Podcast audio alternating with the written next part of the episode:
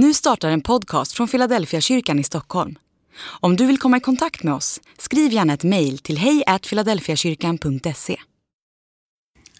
Dag 243. Lärdomar från ett härberge. Vi öppnade, vi öppnade ett härberge i Philadelphia för några år sedan. Vi gjorde det i samverkan med Stockholms stad, Frälsningsarmén och Stadsmissionen.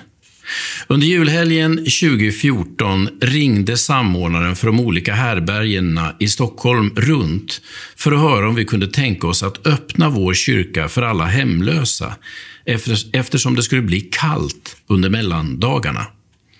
I vanliga fall erbjöd vi 16 platser till EU-medborgare, men nu skulle alla erbjudas plats oavsett bakgrund och omständigheter.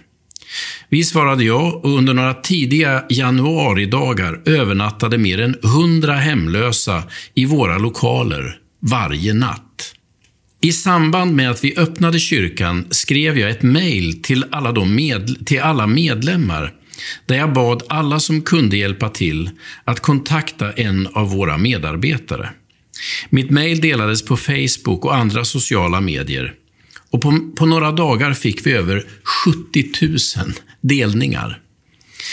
Men ännu mer intressant än alla delningar var att mer än 300 vanliga stockholmare mejlade och frågade om de kunde hjälpa till. Dagen före nyårsafton inbjöd vi alla intresserade till en improviserad samling i Philadelphia. Mer än 200 deltagare kom, varav knappt 20 tillhörde församlingen. Jag var helt tagen av samlingen.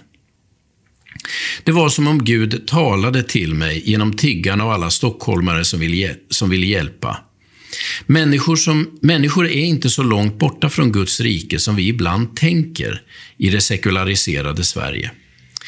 När man vill ge av det man har istället för att försöka försvara det och till varje pris få mer av det, då är man nära Guds rike.